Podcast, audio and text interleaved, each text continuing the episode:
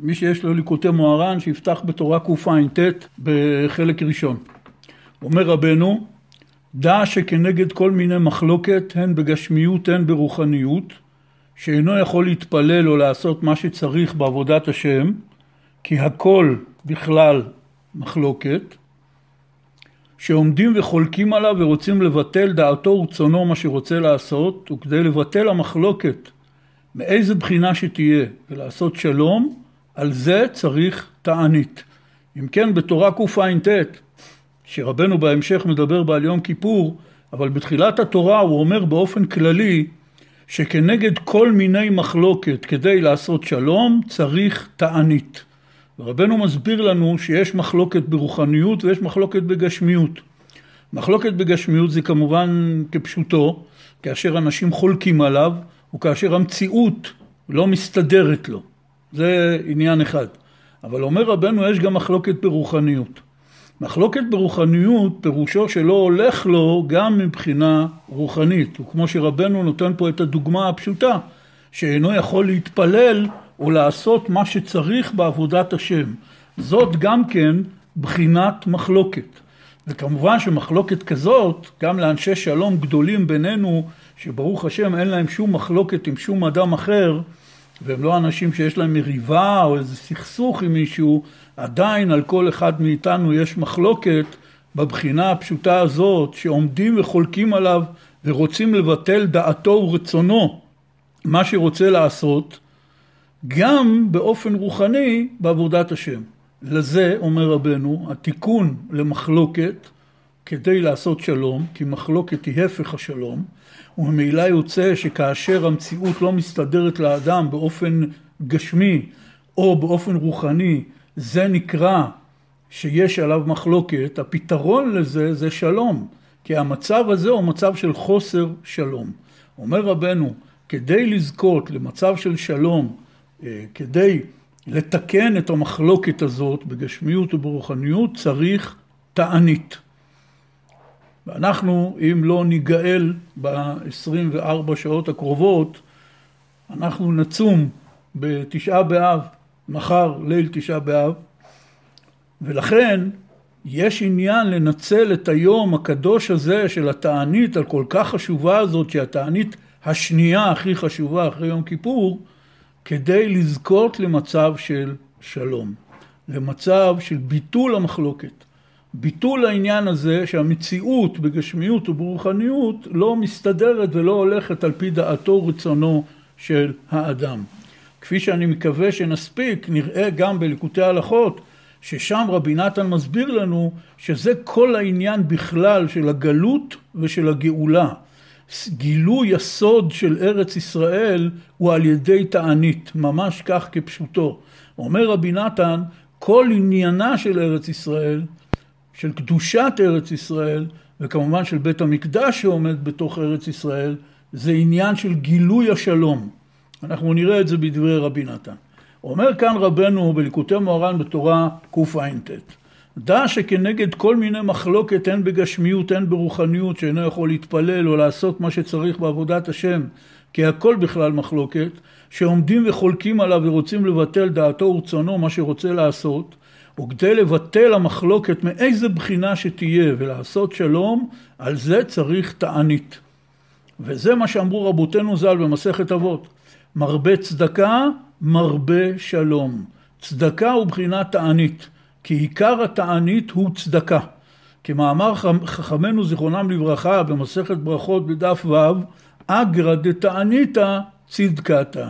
השכר על התענית הוא על ידי נתינת צדקה.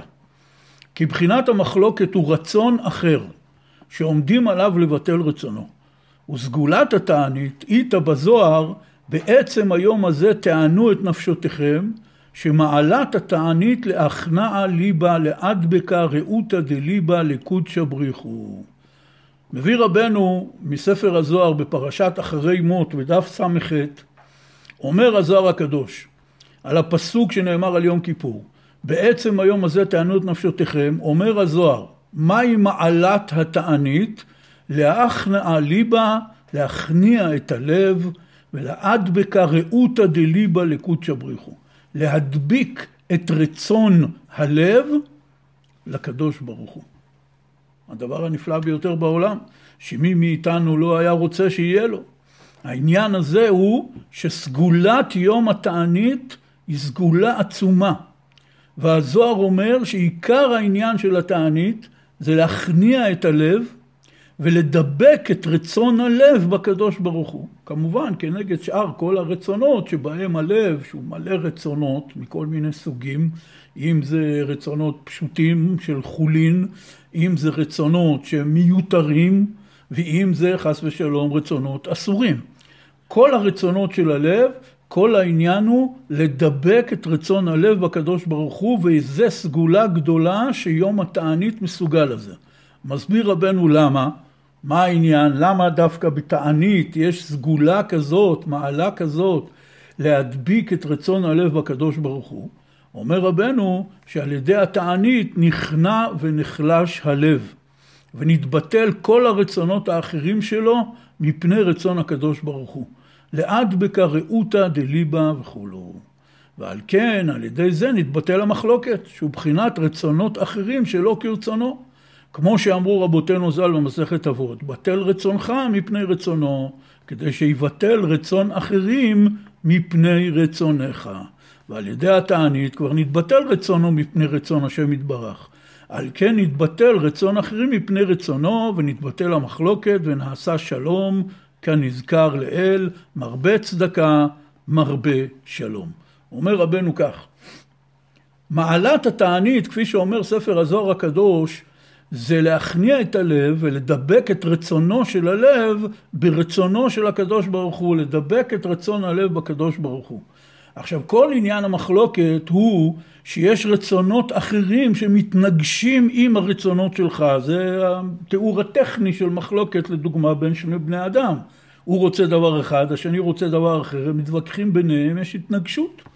אותו דבר קורה גם ברצ... במחלוקת שיש על האדם מבחינה רוחנית. שהוא רוצה לעבוד את השם, להתפלל בכוונה או בעניינים אחרים בעבודת השם כפי שרבנו אמר, אבל המציאות, אם זה הפנימית ואם זה החיצונית, היא מתנגדת על הרצון שלו, אז יש פה התנגשות רצונות. אומר רבנו, על ידי שהאדם צם, על ידי שהאדם יושב בתענית, הלב שלו נכנע, כל רצונות הלב המיותרים נעלמים, ואז הוא מבטל את רצונו בפני רצון השם. ואז יש לנו משנה מפורשת מחז"ל, שאמרו, בטל רצונו מפני, בטל רצונך מפני רצונו, כלומר, תבטל את כל הרצונות המיותרים שלך ותדבק את לבך ברצונו של הקדוש ברוך הוא. ואז מה תקבל בתמורה? אומרים חז"ל במשנה במסכת אבות, כדי שיבטל רצון אחרים מפני רצונך, כלומר תתבטל המחלוקת. לא יהיה כבר את ההתנגשות הזאת של הרצונות שגורמים מצב של חוסר שלום פנימי או חיצוני. זה מה שאומר פה רבנו. אומר רבנו, וזה שאמרו רבותינו זיכרונם לברכה במסכת ראש השנה, צום הרביעי וצום החמישי וכולו יהיו לששון ולשמחה, קר אלי צום וקר אלי ששון, אלא כשאין שלום, צום. הגמרא שם מזכירה את הפסוק מהנביא זכריה, שצום הרביעי וצום החמישי וכולו יהיו לששון ולשמחה. כך כתוב בפסוק, בנבואת הנביא, שכל ימי הצום שאנחנו צמים אחר החורבן, כולם יהיו לששון ולשמחה. אבל הגמרא שמה לב ללשון המדויקת בפסוק. בפסוק כתוב צום החמישי וכולי, יהיו לששון ולשמחה. למה הוא קורא להם צום בפסוק כאשר הוא אומר שהם יהיו לששון ולשמחה? אומרים חז"ל, כשאין שלום, צום. היינו, מסביר רבנו, כשאין שלום ויש מחלוקת, אזי צום. כלומר, יש לנו פה גמרא מפורשת, שאומרת במפורש את מה שרבנו אומר בכל התורה, זו תורה קע"ט, שכל העניין של תענית זה כדי לתקן מחלוקת ולהביא שלום. וכשאין שלום, יש צום. כלומר, במצב של אין שלום פנימי או אין שלום חיצוני, צריך צום. זה מה שרבנו אמר לנו בפתיחת התורה. ואומר רבנו כך, כי צריך לזה תענית כנ"ל, ועל ידי התענית נעשה שלום. ואזי כשיש שלום, ששון ושמחה. כי על ידי התענית נבנה קומת וחיות השמחה. יש לנו פה משפט נפלא מאוד, שכדאי מאוד לזכור אותו, שאומר רבנו, על ידי התענית נבנה קומת וחיות השמחה. כלומר, אם אדם מקיים את מצוות התענית וצם, ביום הזה, על ידי המעשים שהוא עושה ביום התענית, הוא בונה את קומת השמחה, והוא בונה את חיות השמחה. אנחנו נראה בהמשך, רבי נתן מדבר על הנושא הזה של מקום ציור וזמן, וגם כאן זה העניין. אתה בונה את קומת השמחה, כלומר, כמו נגיד גוף של אדם, יש לו קומה, כלומר צריך שלשמחה יש לה כמה וכמה איברים, וכפי שזה מופיע בסוף התורה כאן בקע"ט, צריך לבנות מהלך שלם של שמחה, שיש בו את כל האיברים, זה בחינה של קומה, אבל לא מספיק לברוא גוף, צריך גם לתת בו נשמה. לא מספיק לבנות את קומת השמחה, צריך גם לתת את חיות השמחה. איך אפשר לבנות את קומת השמחה? איך אפשר להפיח בו, בקומה הזאת, להפיח ברוח חיים של חיות השמחה? אומר רבנו, זה נעשה על ידי התענית. כי מעלת התענית, אומר רבנו, שמעורר ומחיה מתים. היינו הימים שעברו בחושך, ואין להם שום חיות, כי כל יום ויום נמשך עליו שפע מלמעלה. וכשעושה בזה היום מצוות ומעשים טובים, אזי מחיה היום וממשיך לו חיות ושפע רב מלמעלה. אך אם חס ושלום אינו עושה בו מצוות, אזי אינו יורד עליו שפע מלמעלה, כי אם בצמצום גדול מאוד רק כדי חיונו בצמצום. וכשהוא נוטל זה היום ועושה בו חס ושלום רע, אזי מוריד ומעניק ומוצץ השפע המעט שיש בזה היום, עד שמוצץ גם עצם החיות שיש להיום בעצמו, מלבד השפע שבא מלמעלה דבר יום ביומו. כי כל יום הוא בריאה, ויש לו חיות עצמו מלבד השפע. והוא מוצץ גם חיותו העצמי של היום, עד שנשארו הימים הללו פגרים מתים. כמו משל התינוק היונק משדה אמו. כל זמן שיש לה חלב, יונק החלב, וכשנפסק החלב, מוצץ דמה וחיותה ממש. אם כן רבנו אומר פה נושא שהוא כמובן נושא בפני עצמו עולם שלם שנקרא לזה תורת היום של רבנו. אנחנו יודעים שיש כמה וכמה תורות ובפרט התורה המפורסמת היום הם בקולות תשמעו תורה רע"ב בליקוטי מוהר"ן ששם רבנו אומר שאין לאדם בעולמו אלא הזמן והמקום שעומד בו באותו רגע. זה נקרא היום אם בקולות תשמעו, שכל התשומת לב של האדם, כל הכוונה שלו, היא צריכה להיות למצב כזה שהוא חי את הרגע, הוא חי את העכשיו, לטובה, לא במובן של נהנתנות, אלא במובן הפשוט והברור שלא ייתן לעבר להפיל אותו, ושלא ייתן לעתיד להדאיג אותו, אלא הוא כל כולו מכוון לאותו רגע שבו הוא עומד. כאן רבנו מרחיב את העניין, ורבי נתן עוד כותב על זה בליקוטי הלכות בכמה וכמה מקומות. אומר רבנו, כל יום שיורד מהשמיים, כל יום של כל אחד מאיתנו, יש לו את השפע הפנימי המדויק שלו. אם האדם זוכה למלא את היום הזה בתורה ומצוות ומעשים טובים, הוא מחיה את היום הזה, הוא בונה את הקומה שלו. אבל מה קורה ביום שבו האדם מיעט מאוד בתורה ומצוות ומעשים טובים? היום הזה מתחיל להחיות את עצמו עם השפע הפנימי שאיתו יורד מהשמיים, ואם האדם גם חס ושלום עושה רע ביום הזה, אז הרע יונק ומוצץ את כל החיות של אותו היום. ואז יוצא מצב שהיום הזה נשאר פגר מת.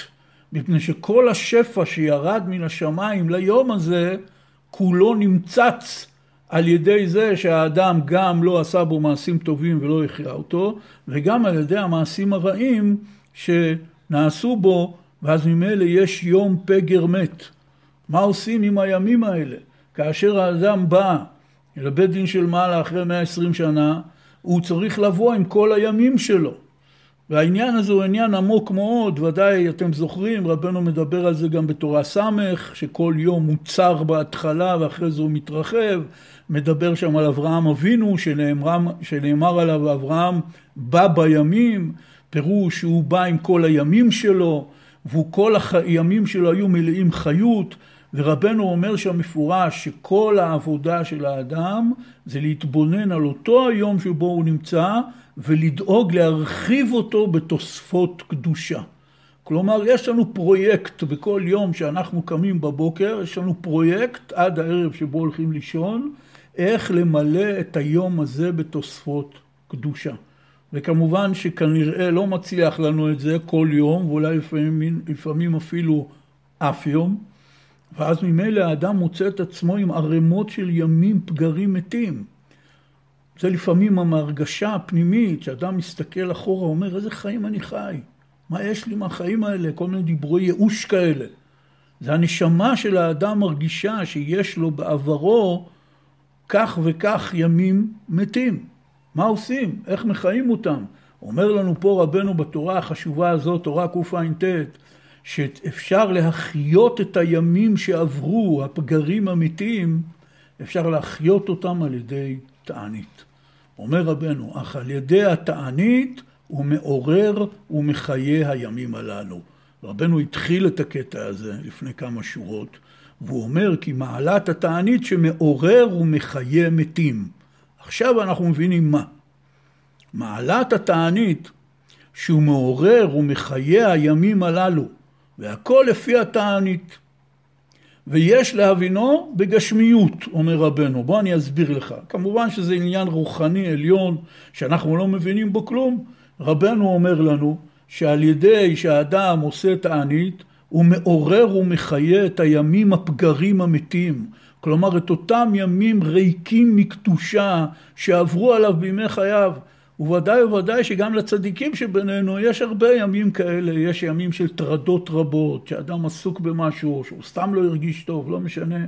ואז ממילא יוצא שהיום הזה לא היה בו תורה ומצוות ומעשים טובים שיחיו אותו.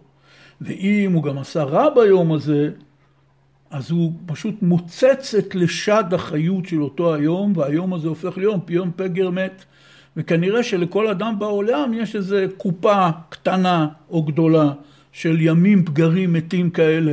אומר רבנו, זכינו שיש לנו את העניין של התענית, שהתענית הוא מעורר ומחיה את הימים האלה. עכשיו אומר רבנו, אני אסביר לך את העניין הרוחני הזה בדוגמה מהגשמיות. כי כשמתענה נמצא אין לו חיות וכוח מזה היום, מאחר שאינו אוכל ושותה בו, ואף על פי כן עובד את השם.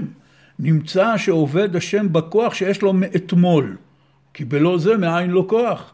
נמצא שעובד היום בכוח של אתמול. על כן מביא חיות באותו היום של אתמול. אחר כך שמתענה עוד, ואזי אין מספיק לו הכוח של אתמול, כי כבר נחלש הגוף, ואז צריך להשתמש בכוח של הימים הקודמים למפרע עוד. נמצא שמביא בכל פעם חיות והארה לימים הראשונים שנפלו ומתו, עד שאפשר לטענות כל כך שיצטרך להשתמש בכוח של הימים שינק משדה עמו. ואזי מחיה ומאיר כל הימים. ועל כן על ידי התענית נבנה קומת השמחה שהיא חיות ונקודות של המצוות כמבואר במקום אחר. תכף נדבר על זה. אומר רבנו כך, בואו נסתכל רגע בגשמיות מה קורה עם הגוף. האדם לא אכל ולא שתה באותו יום, הגוף שלו נחלש, אבל הוא בכל זאת עובד את השם. הוא מתפלל ולומד, עושה מצוות. מאיפה לגוף יש כוח? הגוף עדיין יש לו כוח מהאכילה של אתמול.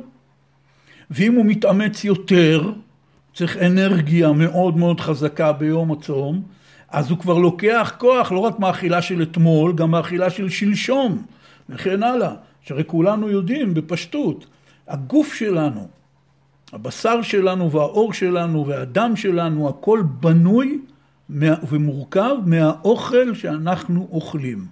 ולכן אדם שלא אוכל, אדם שמרעיב את עצמו, או לצורך העניין בזמננו שעושה דיאטה, הוא מתחיל לרזות. מדוע? כי הגוף משתמש במאגרים של האנרגיה והקלוריות של האוכל שהוא אכל בעבר. כשכבר לא מספיק, אז הגוף מתחיל לרזות. כחלומם של רבים מאוד מהאנשים בעולם, לרזות. איך מרזים? קודם כל לשמור על אכילה כזאת שלא תשמין אותך, פחות קלוריות. שתיים, לעשות פעילות גופנית. הליכה, ריצה, התעמלות, לעשות כושר, כל הדברים האלה, להפעיל את הגוף באופן כזה שהוא ישתמש במאגרי הקלוריות מאתמול, משלשום ומימים רחוקים. זה ההסבר בגשמיות. אומר רבנו, אותו דבר זה ברוחניות. כאשר אתה צם ואתה עובד את השם, אתה עובד את השם בכוח של הימים הקודמים. ואז יוצא מצב שאם לפני שבועיים היה לי יום מאוד בעייתי, והיום הזה עכשיו נחשב ברשימת הימים הפגרים מתים שלי. מה למה פגרים מתים? אין בו שום התעוררות, שום חיות, נוצל עד הטיפה האחרונה. ואני עכשיו, בתוך צום, בתוך מצב של חולשה, אני עובד את השם, אני יכול לעבוד את השם בכוח של אותו יום מלפני שבועיים. ואז מה יצא? אני מחיה אותו מחדש. כי אני עובד את השם בחיות של אותו יום. אומר רבנו, זאת סגולת ומעלת התענית, שהוא מעורר ומחיה מתים. אז אמרנו כבר שתי מעלות של התענית. אחת, שהתענית מביאה שלום. היא מבטלת מחלוקת. מפני שהיא מבטלת את רצונות הלב ומדביקה את רצון הלב ברצון הקדוש ברוך הוא, ממילא יוצא, כמו שאומר הזוהר הקדוש, שעל ידי זה אני מבטל את רצוני מפני רצונו של השם. אני מדביק את רצון הלב שלי לרצון השם. אין לי כבר רצונות אחרים. כמו שבן אדם, כשהוא חלש מאוד, מציעים לו לפעמים כל מיני דברים שבתנאים נורמליים הוא היה קופץ על המציאה, אבל הוא חלש, אז הוא אומר, עזוב, אין לי כוח. הוא שוכח מהרבה מאוד רצונות שלו, כמו שאמרנו, או אסורים או מיותרים, או סתם רצונות של חולין. ממילא יוצא שעל ידי זה הוא מבטל את המחלוקת. כי הוא מבטל את רצונו מפני רצון השם, ואז הקדוש ברוך הוא מבטל רצון אחרים מפני רצונו, כפי שחז"ל אומרים מסכת אבות. זאת מעלה ראשונה של התענית, השלום, ביטול המחלוקת. ביטול המחלוקת גם במובן הזה שכל המציאות שלא מסתדרת לי, שלא הולך לי, שאני לא מצליח להוציא מכוח אל הפועל את הרצונות שלי, זה מסתדר. יש רצון יותר חזק לכל אדם ואדם בעולם.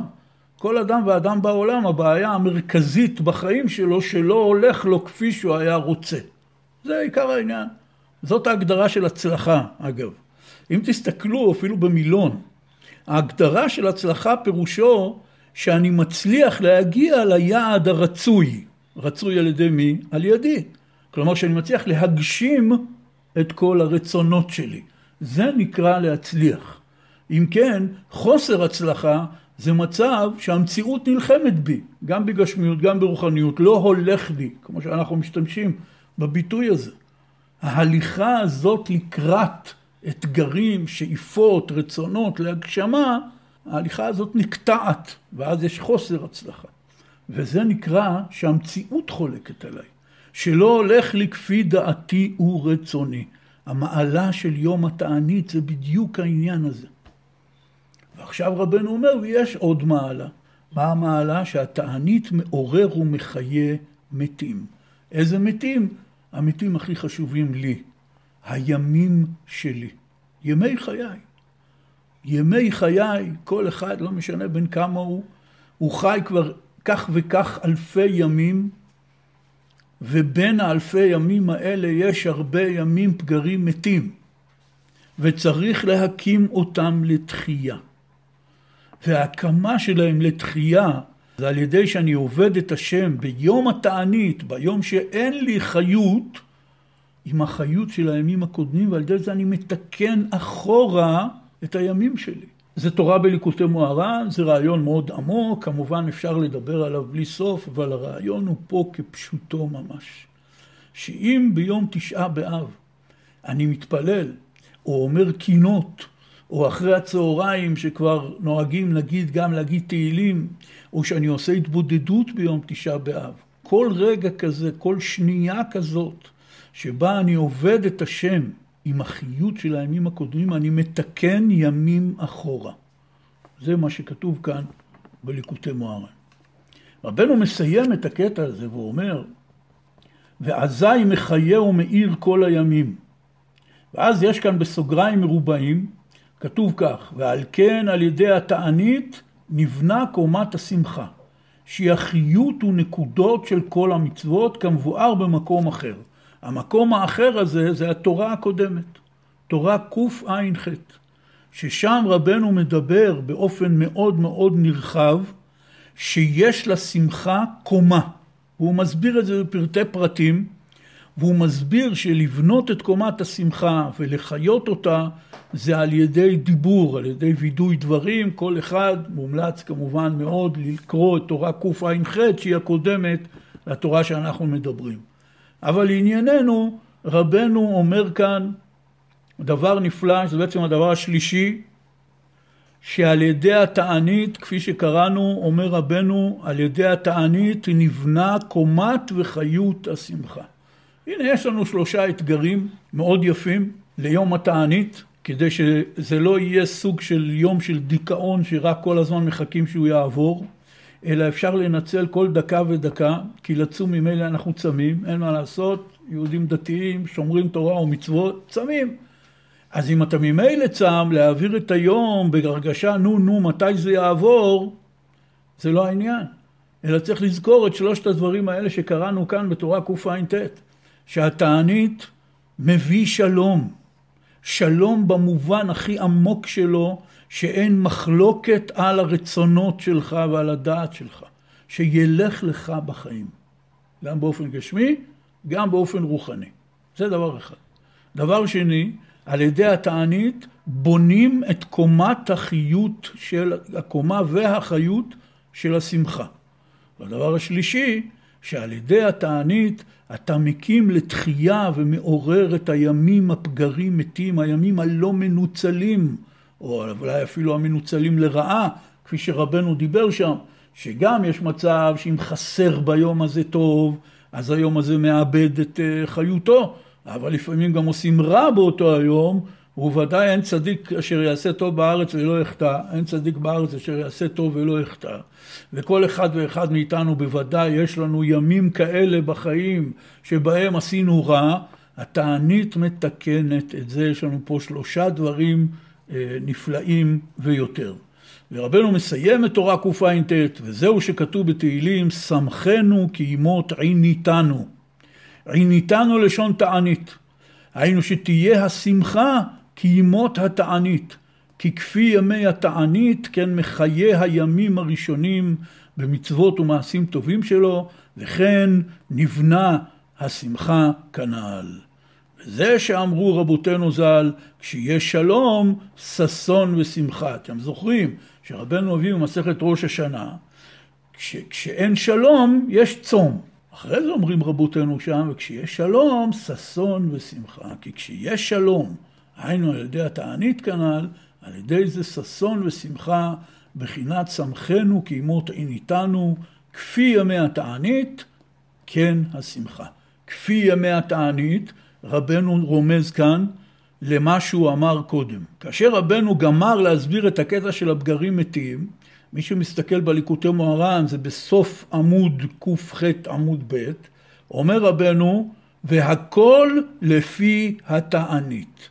מה הוא מתכוון? לפי איכות התענית. גם לצום צריך לדעת איך. אדם ששוכב כל היום בתשעה באב, אפילו ביום כיפור, ושומר על כל העינויים שנצטווינו ביום הזה, ביום כיפור מן התורה ותשעה באב מדרבנן, כל היום שוכב על המזרון וחולם שהיום יעבור ושיוכל סוף סוף אה, לשתות קפה ולאכול. גם הוא יוצא ידי חובה במצווה, בתקנה, לצום. אבל אומר רבנו, אם אתה רוצה שהתענית תביא שלום בחייך, שהתענית תבנה את השמחה בחייך, שהתענית תחיה את הימים הפגרים מתים, אם אתה רוצה את זה, צריך תענית איכותית.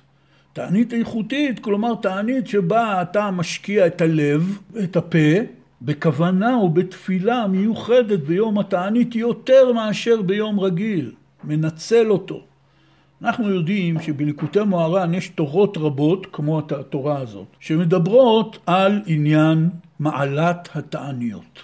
ולכאורה נראה, ולפעמים הנושא הזה עולה כאשר מנסים לברר את דעת רבנו, שרבנו מאוד מקדם תעניות, כמו שהיה נהוג בדורות קודמים, שחלק גדול מעבודת השם של יהודים צדיקים, עובדים גדולים, היה שהם היו צמים, וכפי שכתוב על רבנו בעצמו, שהיה צם תענית שבוע, כלומר ממש לא היו אוכלים מיום ראשון עד יום שישי, והיה עושה את הסיגופים האלה כחלק מעבודת השם. אבל רבנו בשלב מסוים הודיע שצריך להפסיק להתענות. ולפי דעת רבנו ודעת חסידות ברסלב צריך לברוח מתעניות בהתנדבות בעבודת השם ורבנו אמר על עצמו שאם הוא היה יודע בצעירותו את כוח ההתבודדות אז במקום לצום הוא היה מרבה יותר בהתבודדות. אמר על זה רבי נתן ככה אמנם מצד אחד רבנו אמר לא לעשות תעניות בהתנדבות אבל מצד שני רבנו גם גילה לנו סודות מאוד גדולים במעלת התענית. לכן אמר רבי נתן, קינדרלך, ילדים ביידיש, אמר לתלמידיו, שכבר יש תענית שמחויבת על פי ההלכה, תחטפו אותה כמו לקח טוב, כמו, עוגה טעימה. זה מה שאמר רבי נתן. כך אמר רבי נתן. מצד אחד רבנו אמר שתעניות זה דבר גדול מאוד, מצד שני רבנו אמר לא לעשות תעניות בהתנדבות, אז כבר יש תענית שמחויבת על פי ההלכה, תחטפו אותה כמו עוגה טעימה. מדוע? כי זה יום גדול. ביום הזה אפשר לזכות לתיקונים של התענית שרבנו דיבר עליהם כל כך הרבה. איזה ימים אלה? יש לנו את ארבעת הצומות מדרבנן, יש לנו את יום כיפור, יש כל מיני צומות של מנהג, כמו שהיו נוהגים בחוץ לארץ לצום ביום כ' סיוון, יש כאלה שנוהגים לצום ב' ה' אחרי המועדות וכן הלאה. כל מיני מנהגים, יש תענית שובבים שיש רבים שמטענים. תעניות כאלה שהן חלק ממנהג ישראל, אז לא רק שמותר לצום אותם, אלא אולי אפילו כדאי מאוד לצום אותם. רק רבנו אמר שלעשות תעניות אישיות אה, בהתנדבות זה לא דבר מומלץ, אבל כשכבר יש יום תענית, כמו שאם לא תבוא הגאולה חס ושלום, אז אה, אנחנו מחר, יש לנו צום של אה, יממה, אז צריך לחטוף אותה כמו עוגה טעימה, ולחטוף אותה פירוש לנצל את היום הזה לדברים שלמדנו כעת מרבנו, שהם עניין השלום, עניין בניית קומת וחיות השמחה, ולתקן את הימים הפגרים מתים. בליקוטי ההלכות, בהלכות ברכת הראייה, הלכה ד', רבי נתן מדבר על התורה הזאת שלמדנו. הוא מתחיל את ההלכה ואומר כך: והכלל של לבטל כל מיני מחלוקת הוא על ידי תענית. ועכשיו רבי נתן מפרש, תשימו לב טוב למילים. הן מחלוקת ממש משונאים ואויבים, והן מחלוקת היצר הרע שבלב, הכל מבטלין על ידי התענית. כי כל המחלוקות הם כנגד רצון האדם. כשאדם רוצה כך, ובעלי המחלוקת הם כנגד רצונו וחולקים עליו. וסגולת התענית איתא בזוהר הקדוש היא להכנע ראותא דליבה לקודשא בריחו. דהיינו, להכניע ולבטל כל הרצונות של האדם לקדוש ברוך הוא. ועל ידי זה מתבטל המחלוקת בבחינת בטל רצונך מפני רצונו, כדי שיבטל רצון אחרים מפני רצונך. עיין שם. וזה בחינת מה שאמרו רבותינו ז"ל, כשאין שלום, צום. כי כשאין שלום, דהיינו כשיש מחלוקת, אז צריכים צום דייקה. כי עיקר הכנעת המחלוקת הוא על ידי צום ותענית כנ"ל. אבל כשיש שלום, דהיינו על ידי התענית שעל ידי זה זוכים לשלום, אזי ששון ושמחה וכולו, עיין שם, בתורה קע"ט, כל זה היטב. עד כאן רבי נתן סיכם לנו את התורה הזאת שאנחנו זכינו לקרוא אותה כולה.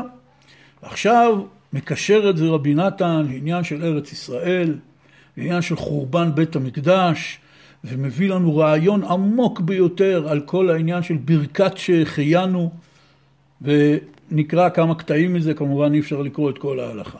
מתחיל רבי נתן ואומר, וזה בחינת קדושת ארץ ישראל שכולל כל הקדושות. כמבואר בדברנו כמה פעמים שעיקר קדושת איש הישראלי הוא על ידי ארץ ישראל. כי עיקר הקדושה הוא שלום. כמבואר בתורה הנ"ל שכל הסטרא אחרא והיצר הרע שהם כנגד הקדושה הם בחינת מחלוקת. נמצא שעיקר הקדושה שהיא להכניע ולשבר היצר הרע והסטרא אחרא הם בחינת שלום. וכן אמרו רבותינו ז"ל, במשנה במסכת עוקצין, לא מצא הקדוש ברוך הוא כלי מחזיק ברכה לישראל, אלא השלום. ואם אין שלום, אין כלום. ואמרו במדרש, גדול השלום. וכן הפליגו רבותינו ז"ל במקומות אין מספר, מגודל מעלת השלום. ובפרט בדברי רבנו ז"ל, שמבואר הרבה מעוצם מעלת השלום, שעל ידי זה עיקר שלמות האמונה. ועל ידי השלום יכולים להחזיר כל העולם לשם יתברך. זה שהשלום הוא עיקר שלמות האמונה, זה כתוב בתורה ס"ב בליקוטי מוהר"ן. זה שעל ידי השלום יכולים להחזיר את כל העולם לשם יתברך, זה כתוב בסימן כ"ז. ועיקר השלום זוכים בארץ ישראל. כמובן בדברי רבנו ז"ל, בליקוטי מוהר"ן תעניין התורה ע"א, על מאמר רבותינו שאמרו במסכת סנהדרין, יש מקל נועם, יש מקל חובלים, לאחד קראתי נועם, אלו תלמידי חכמים שבארץ ישראל שמנעימים זה לזה בהלכה. כי עיקר קדושת ארץ ישראל נמשך מירושלים ובית המקדש שנקראים שלום. כי ירושלים נקראת על שם יראה שלום, כמו שאמרו רבותינו ז"ל במדרש במפורש, או כמו שכתוב מלכי צדק מלך שלם היא ירושלים. ירושלים, פירוש המילים הוא עיר שלום. זה המשמעות של המילה ירושלים. וכן בית המקדש נקרא סוכת שלום, ומשם נמשך כל קדושת ארץ ישראל שנקראת ארץ החיים, שהיא בחינת שלום, וכמו שכתוב בנביא, בריתי הייתה איתו החיים והשלום. ומחמת שבארץ ישראל הוא עיקר השלום, על כן שם עיקר הקדושה. כי עיקר הקדושה הוא שלום. קראנו פה קטע מלקוטי ההלכות, את ההתחלה של אות א' בהלכות ברכת הראייה, הלכה ד'. אנחנו מורגלים לדיבורים האלה, לפסוקים האלה, למדרשים האלה, ולכן צריכים להטות אוזן קצת יותר. יש פה הכרזה מאוד דרמטית. אחת, שכל קדושת איש הישראלי זה רק ארץ ישראל. כדאי להשתמש ברעיון הזה לא רק בשביל אה, ויכוחים פוליטיים בין אנשים שמחשיבים את עצמם אוהבי ארץ ישראל ומתווכחים עם אנשים שהם חושבים שהם פחות בעניין ארץ ישראל. הרעיון הזה הוא לא בשביל ויכוחים פוליטיים, הרעיון הזה הוא כדי שכל אחד ואחד מאיתנו יבדוק את עצמו יום יום, שעה שעה, האם ארץ ישראל במובן הכי פנימי ואמיתי שלה היא באמת נמצאת במרכז חיי.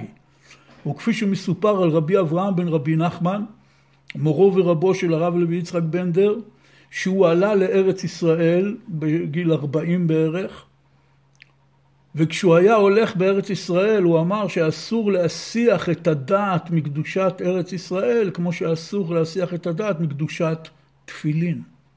בתפילין זה הלכה.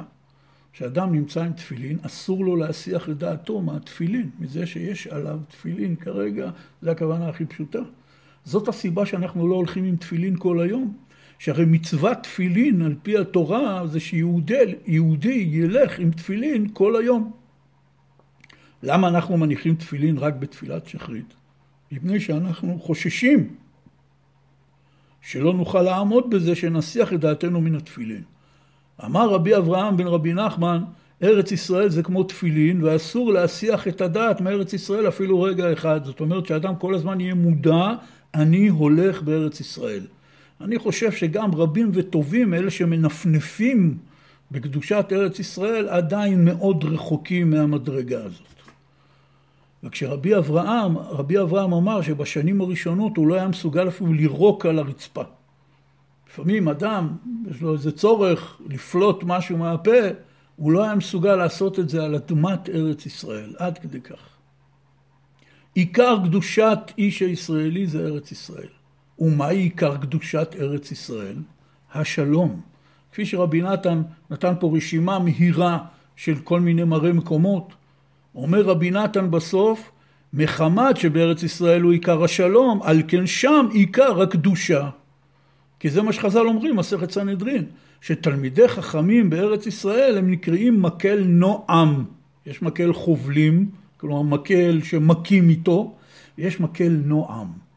אומרים חז"ל, אלו תלמידי חכמים שמנעימים זה לזה בהלכה. זה העניין של השלום הזה.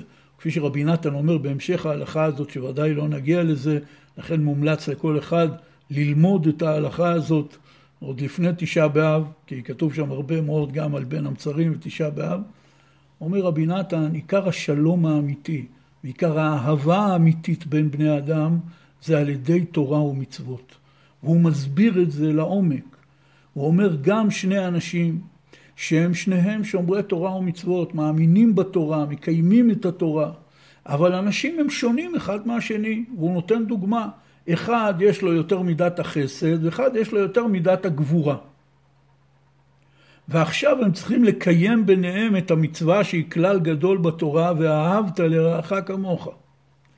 אומר רבי נתן, הדרך היחידה שלהם לחיות ביחד, איך אומרים היום, להכיל אחד את השני, את האופי השונה, את הנטיות השונות. לפעמים כל מיני אידיאולוגיות שונות, אבל הרי מה שמאחד בהם זאת התורה. לכן התורה בעצמה היא האמצעי היחידי שאפשר לעשות שלום בין בני אדם. שבסופו של דבר, זוהי מידת החסד שלו, וזוהי מידת הגבורה שלו, הם חייבים לנהל את המידות הפרטיות שלהם על פי תורה. והתורה עושה ביניהם שלום. רבי נתן אומר את זה למי שמתעניין באות ד' בהלכה הזאת, מעריך בזה, נתתי תמצות קצר. אם כן, אומר לנו רבי נתן, מפני שכל עניין ארץ ישראל זה עניין של נועם ושלום, לכן היא כל כך קדושה, וכל קדושת ארץ ישראל נמשכת מקדושת השלום. עכשיו, אחרי שהוא דיבר על זה, כי רבנו מדבר בתורה קע"ט על עניין השלום, הוא מקשר את זה לתענית. אומר רבי נתן, ועל כן עיקר קדושת ארץ ישראל נמשך על ידי קדושת התענית. כי זה ידוע שעיקר קדושת ארץ ישראל נמשך מבית מקדש, מקודשי קודשים, ששם תכלית הקדושה העליונה של כל העשר קדושות שבארץ ישראל, שזאת משנה מאוד מפורסמת, שרבים אומרים אותה ביום שבת לפני סעודה שנייה, משנה, מסכת כלים, פרק א', משנה ט', ששם המשנה אומרת עשר קדושות הן זו לפנים מזו, כלומר מהקל אל הכבד, ואז שמגיעים לירושל... לארץ ישראל, ירושלים, בית המקדש וקודשי קודשים, כל קדושת ארץ ישראל נמשכת בעצם מקודש הקודשים בבית המקדש שבירושלים עיר הקודש. כי קודשי קודשים מקודש מכולם. שאין שום אדם נכנס לשם כי אם כהן גדול ביום הכיפורים. ומשם מבית קודש הקודשים, שמשם נמשך כל העשר קדושות שבארץ ישראל, ומשם כל קדושת ארץ ישראל, ולבית קודש הקודשים לא היה נכנס שום אדם כי אם כהן גדול ביום הכיפורים, שאז הוא יום התענית הקדוש, יום צום הכיפורים. נמצא שכשהיו צריכים לכנוס לקדושה העליונה של ארץ ישראל, שמשם כל הקדושות של ארץ ישראל, שהיא בית קודש הקודשים, לא היה אפשר לכנוס לשם כי אם על ידי תענית. דהיינו על ידי תענית של יום הכיפורים. כי מאחר שעיקר קדושה הנמשכת בארץ ישראל מבית קודש הקודשים, ובחינת שלום, שהוא כלליות הקדושה, כנ"ל, על כן לא היו יכולים לכנוס לשם לבית קודש הקודשים להמשיך קדושה זאת, כי אם על ידי התענית של יום כיפור. כי אי אפשר להמשיך שלום, כי אם על ידי התענית שמבטל כל הרצונות לקדוש ברוך הוא כנ"ל. כמובן יש כאן עניינים עמוקים מאוד, אנחנו רוצים להגיע לתשעה באב, אבל רבי נתן אומר, תשים לב טוב לדבר פלאי מאוד. המקום הכי קדוש בעולם זה קודש הקודשים. רק אדם אחד היה מותר לו להיכנס אל בית קודש הקודשים ורק ביום אחד. לכהן הגדול ביום הכיפורים. וכפי שהוא מסביר בהמשך ההלכה, זה השילוב המושלם של שלושת הממדים של הבריאה.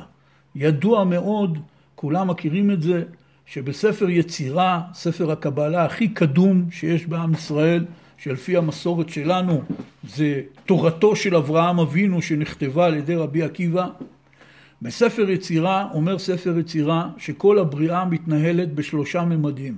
עולם, שנה, נפש. עולם פירושו מימד המקום. שנה פירושו מימד הזמן. נפש זה המימד החווה את המציאות במקום ובזמן, כלומר האדם. ורבנו בתורה ס"ו יש לו שינוי לשון קטן לעולם שנה נפש, זה ראשי תיבות עשן, שככה בהרבה ספרי קבלה ככה מתייחסים לזה, עשן, עולם שנה נפש, רבנו קורא לזה מקום ציור וזמן.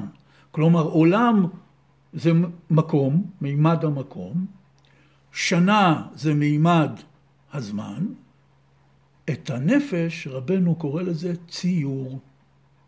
כי זאת המהות של הנפש, וכמובן אין כאן מקום להרחיב בזה, עיקר העניין של הנפש זה הציור, כלומר הצורה שהנפש מציירת לעצמה את האירוע המתרחש במקום ובזמן. זאת התורה העתיקה של ספר יצירה. הוא כבר כתוב בהרבה ספרים, ורבי נתן גם כותב את זה בעצמו, שעיקר השלמות של מקום ציור וזמן, של עולם שנה נפש, זה היה ביום כיפור בקודש הקודשים, כאשר הכהן הגדול היה נכנס אל בית קודש הקודשים. המקום, קודש הקודשים, הכי קדוש. הזמן, יום הכיפורים, הכי קדוש. ואז היה נכנס הכהן הגדול, שזה הנפש, האדם, הכי קדוש, ביום הקדוש, בזמן הקדוש. השילוב המושלם, האולטימטיבי, של עולם שנה נפש. כהן גדול בקודש הקודשים ביום כיפור. אומר רבי נתן, זה ידוע, אז אמרנו את זה בסוגריים ברמז, אבל תשים לב איך זה היה יכול להתבצע. כדי שהכהן הגדול ייכנס לבית קודשי הקודשים ביום כיפור, והוא מתפלל שם תפילה קצרה, כפי שכולנו זוכרים, שהוא בעצם מבקש, ריבונו של עולם, תן לנו שנה טובה, לא גשומה מדי ולא שכונה מדי. היה פשוט מתפלל על השפע שיהיה בכל העולם, על השפע וההצלחה. אומר רבי נתן, בשביל הרגע הנשגב הזה, היה צריך תענית. כדי שהכהן הגדול יוכל להמשיך שלום על ידי זה שהוא נכנס לבית קודשי קודשים, הוא היה צריך תענית כי הרי הוא היה בצום, ביום כיפור. אומר רבי נתן, זה פירוש העניין, שעיקר קדושת ארץ ישראל זה השלום, ואפשר להמשיך את זה רק על ידי תענית, הרגע המקודש והנשגב הזה של בית קודשי קודשים עם הכהן הגדול בתוכו.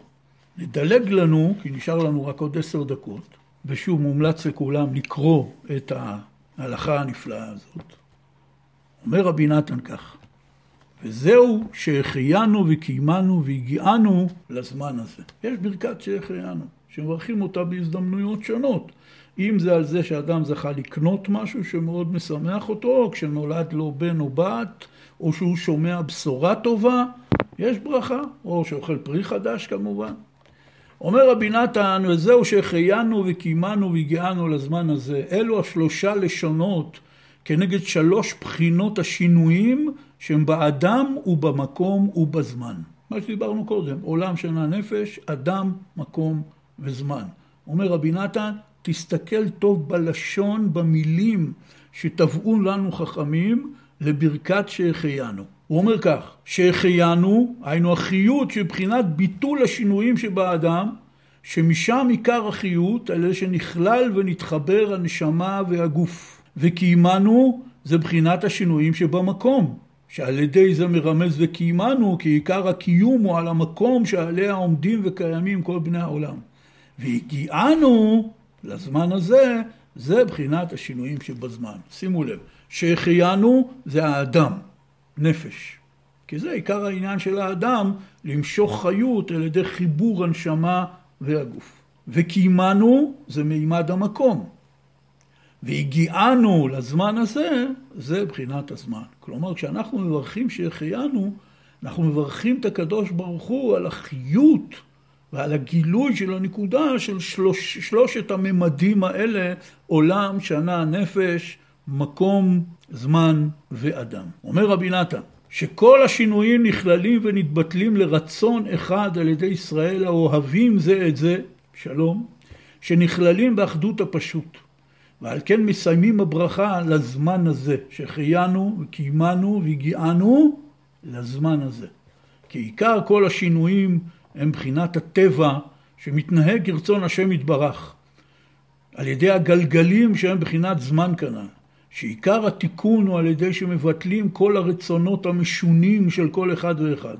כלומר רצונות ששונים אחד מהשני, של כל בני אדם, ונכללים יחד באהבה בשם יתברך, שזהו בחינת מצוות אהבת ישראל, שהיא מצוות ואהבת לרעך כמוך, שרבי נתן העריך בה באות ד' הקודמת שלא קראנו.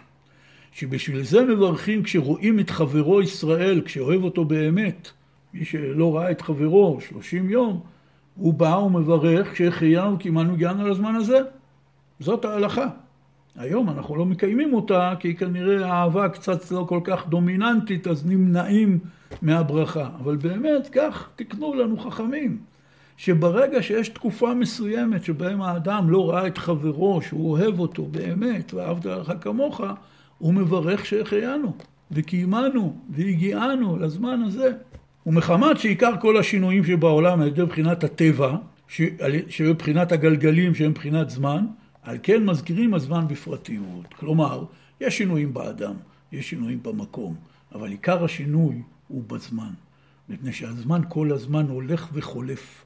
ויש, רבי נתן מסביר את זה קודם בהלכה, כמו שיש שינויים ביום עצמו, בין בוקר, צהריים וערב, אלה שינויים שאנחנו רואים בעיניים. האור משתנה, מקום השמש משתנה, זה שינויים ביום. ובתוך השנה יש עונות, חורף, סתיו, אביב, קיץ. בזמן אנחנו רואים את השינויים בצורה הרבה יותר חזקה ודומיננטית. לכן כאשר אנחנו מברכים שהחיינו, קיימנו והגיענו, אנחנו אומרים לזמן הזה.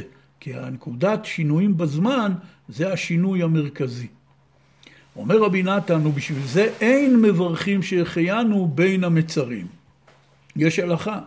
שלא נוהגים לברך ברכת שהחיינו בכל שלושת השבועות של בין המצרים, מי"ז בתמוז, כמובן מראש חודש אב, ואגב, על פי ההלכה, לא מברכים שהחיינו עד לעשירי באב בצהריים, שהרי אנחנו צמים רק את יום ט' באב, אבל י' באב זה היום שבו נשרף רוב בית המקדש, ולכן היו מהחכמים שאמרו שצריך לקבוע את התענית בכלל ביום עשירי באב, רק לא נפסק להלכה, ואנחנו נוהגים תשעה באב, אבל על פי ההלכה אנחנו מקפידים להמשיך מנהגי אבלות גם במוצאי תשעה באב וגם למחרת עד לחצות היום.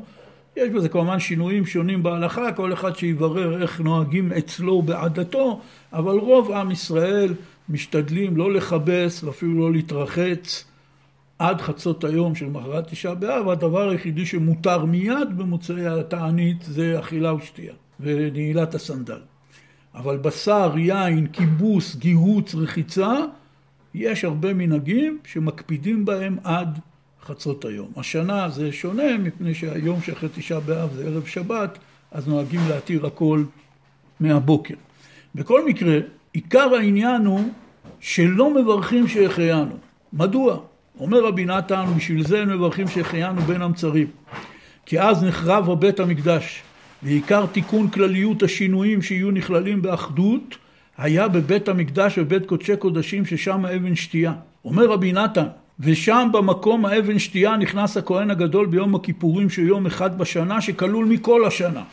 כמו שכתוב בתהילים, כתוב ימים יוצרו ולא אחד בהם. ככה אומר הפסוק בתהילים מזמור קל"ט. ימים יוצרו ולא אחד בהם. כלומר לקדוש ברוך הוא יש יום אחד מכל הימים ש, שנבראו. אומר רש"י שם זה יום הכיפורים. כי יום הכיפורים כלול מכל ימי השנה. כמו שכתב רבנו ז"ל בתורה הנ"ל, והוא כולל ומחבר כל ימי השנה, שכולל כל שינויי הזמן, הוא מחבר אותם וכוללם יחד באחד. במקום האבן שתייה, שכולל כל שינוי המקומות ביחד, וכל זה נעשה על ידי הכהן הגדול, שהוא המובחר מכל ישראל, שמידתו שלום ואחדות, בחינת אהרון, שהיה כהן הגדול הראשון, שהיה אוהב שלום ורודף שלום. אם כן, אומר רבי נתן, כמו שאמרנו קודם, יום הכיפורים הוא מאוד מיוחד. ביום הכי מיוחד בשנה, במקום הכי מיוחד בשנה, על ידי האדם הכי מיוחד בשנה, שהמידה של הכהן הגדול, כמו של אהרון הכהן, שהיה אוהב שלום ורודף שלום, שכל עניינו הוא שלום. אני מדלג פה על הקטע שרבי נתן מדבר יותר על יום הכיפורים, ואז הוא מדבר איתנו על המצב שבו אנחנו נמצאים. אומר רבי נתן, וכל זה זכינו בשלמות בזמן שבית המקדש היה קיים, אבל מיום שחרב בית מקדשנו, ואין לנו כהן שיכפר בעדנו, אי אפשר לקבל השלום בשלמות. ובאמת כל חורבן בית המקדש היה על ידי פגם השלום. כמו שאמרו רבותינו ז"ל מסכת יומא, שעיקר חורבן בית המקדש היה על ידי שנאת חינם בבית שני, ועל ידי חלוקת מלכות בית דוד בבית ראשון. ואז בחורבן בית ראשון היה גם חטא עבודה זרה וכולו.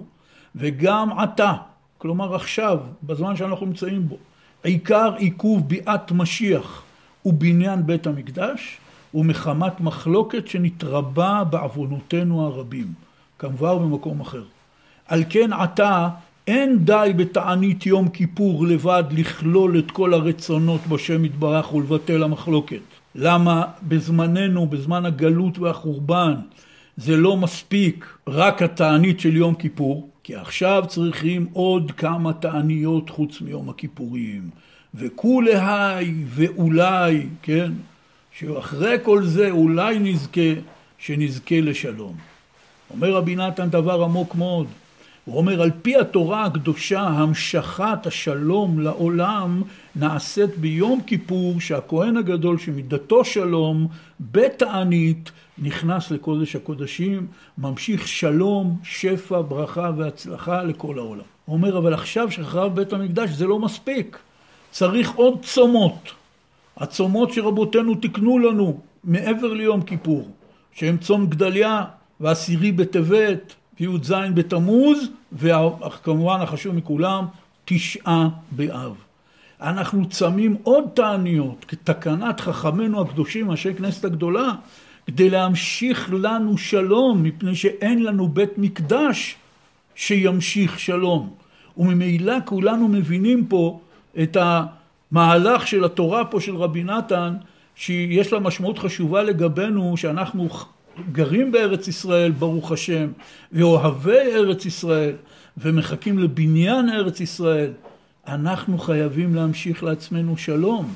ממילא יוצא שעבודת התעניות האלה, הארבע צומות הנוספים שחז"ל תיקנו מעבר ליום כיפור על חורבן בית המקדש, הרי יש גם תענית אסתר.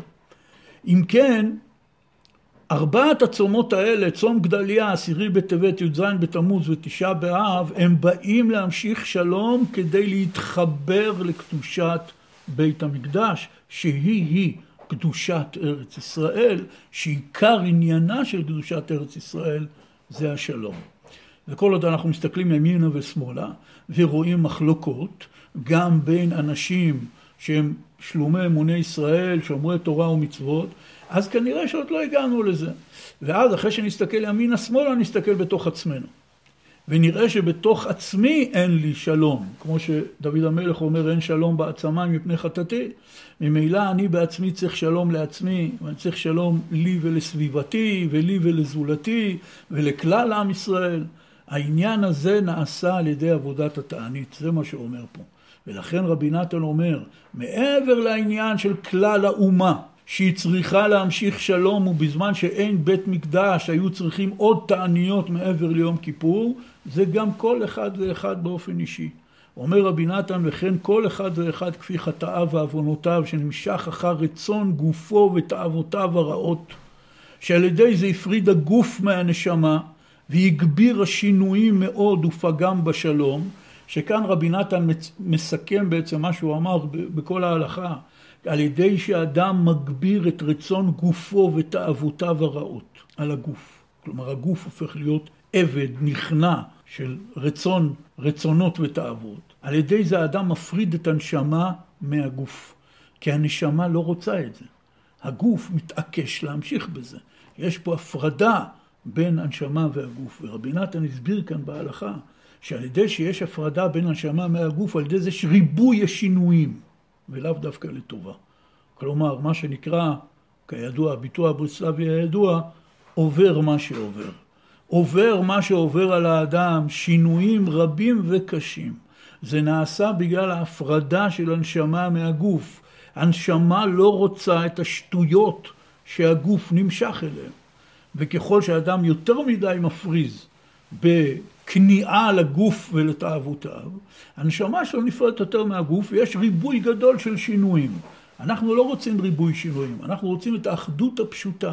האחדות הפשוטה זה כפשוטו שלום. זה הכל. וכפי שכולנו יודעים שאהבה זה בגימטריה אחד, כך גם מצוות אהבת ישראל, אהבת הבריות, האהבה שבין איש לרעהו, זה בחינת שלום, זה בחינת אחדות. אם כן אומר רבי נתן כך, כי את זה לעומת זה, כמו שהצדיק על ידי שמשבר רצון גופו לגבי הנשמה, גורם שלום, וכן להפך, כשחס ושלום עושה רצון גופו, פוגם בשלום. ועל כן, כשרוצה לשוב לשם יתברך, גוזרים עליו כמה וכמה תעניות, כל אחד כפי חטאו. כי כשאין שלום, צום. ועל כן בבין המצרים אין מברכים שהחיינו, שהיא בחינת ברכת שלום. מה זה שהחיינו וקיימנו והגיענו לזמן הזה?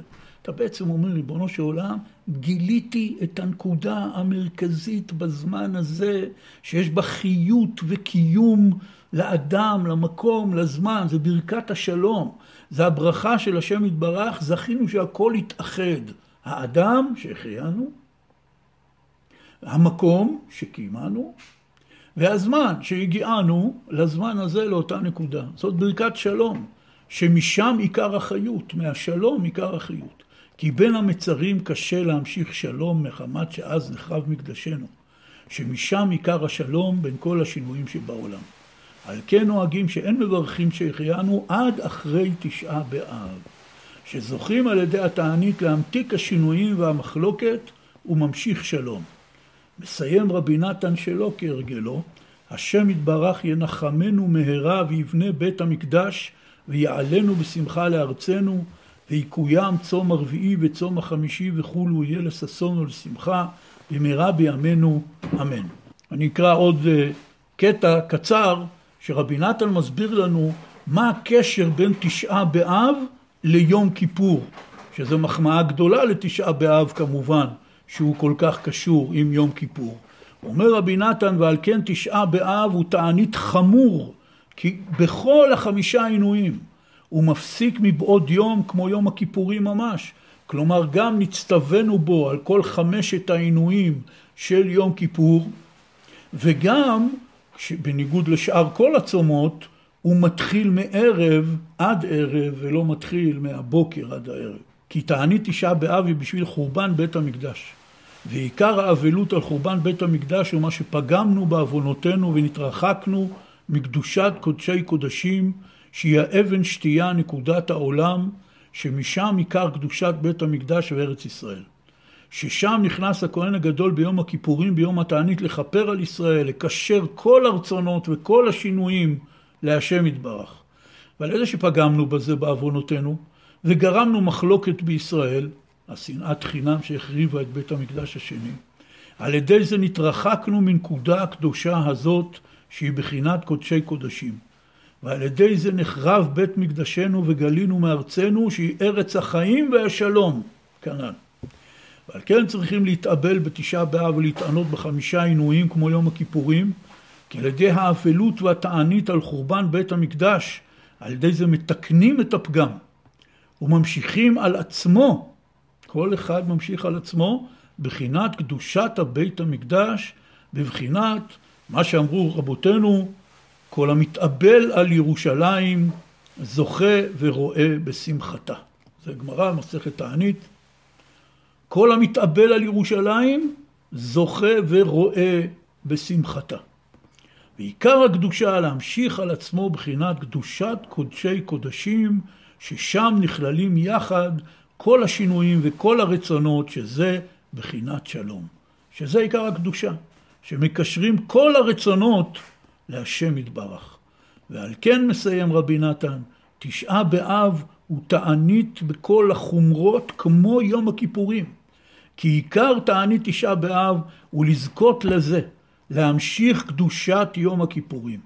דהיינו לתקן את פגם חורבן בית המקדש, שעיקר קדושתו הוא בחינת יום הכיפורים, שהוא יום צום הקדוש שנכנס בו הכהן הגדול לפני ולפנים, שמשם עיקר כל העשר קדושות של בית המקדש וארץ ישראל, שכולל כל קדושת ישראל.